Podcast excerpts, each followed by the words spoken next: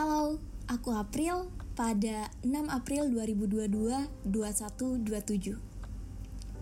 Sebenarnya saat ini nggak ada materi spesifik yang bakal aku ceritain, cuma hanya sekedar cerita random yang pengen aku jadiin bahan opini, yakni tentang perasaan manusia.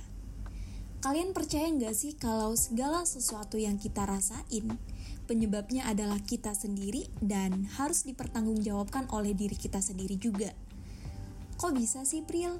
Jadi, aku pernah baca salah satu teori yang pada intinya itu bermaksud bahwa segala perasaan yang kita rasakan adalah tanggung jawab kita dan tidak seharusnya kita menyalahkan orang lain atas perasaan kita. Nah, kok kayak gitu? Nah, jadi untuk lebih gampangnya aku ambil sebuah case aja kali ya. Oke, kita masukkan tokoh Vira dengan Farah. Vira dengan Farah merupakan dua orang teman yang bisa dikatakan dekat.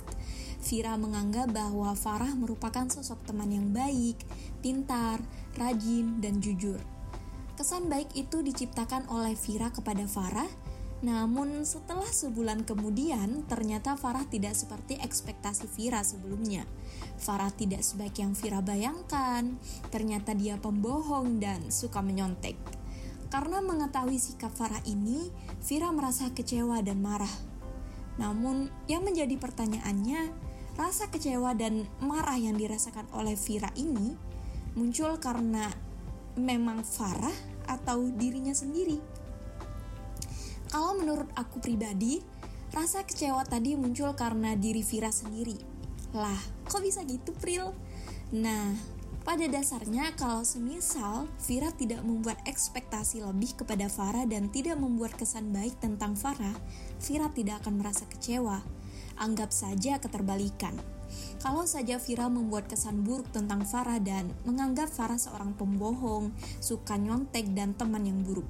Ketika hal itu terbukti benar, Vira tidak akan merasa kecewa.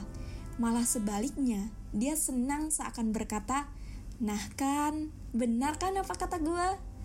Nah, oleh karena itulah, agar tidak terlalu banyak kekecewaan di dalam diri kita, mending turunin deh ekspektasi kita baik itu untuk orang lain maupun diri kita sendiri.